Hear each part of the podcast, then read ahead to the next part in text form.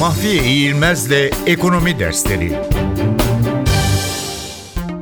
Maksimizasyon nedir? Ekonomi biliminin temel varsayımlarından birisi rasyonellik kavramıdır.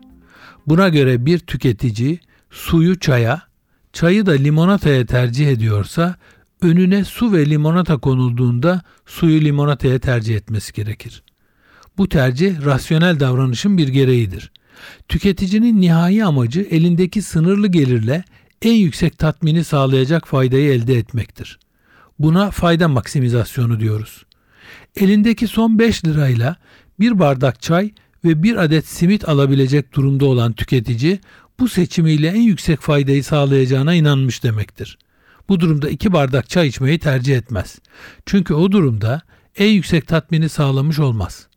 Rasyonellik varsayımını kabul ettiğimizde bu tüketicinin en başta inandığı şekilde bir bardak çay ve bir bardak simit tüketerek eldeki imkanla maksimum tatmini sağlayacak bir alışveriş yapacağını kabul etmiş oluruz.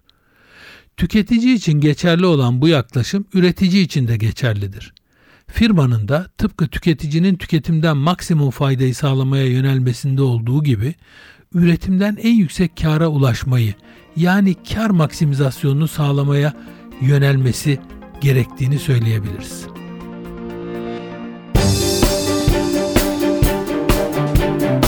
Mahfiye İğilmez'le Ekonomi Dersleri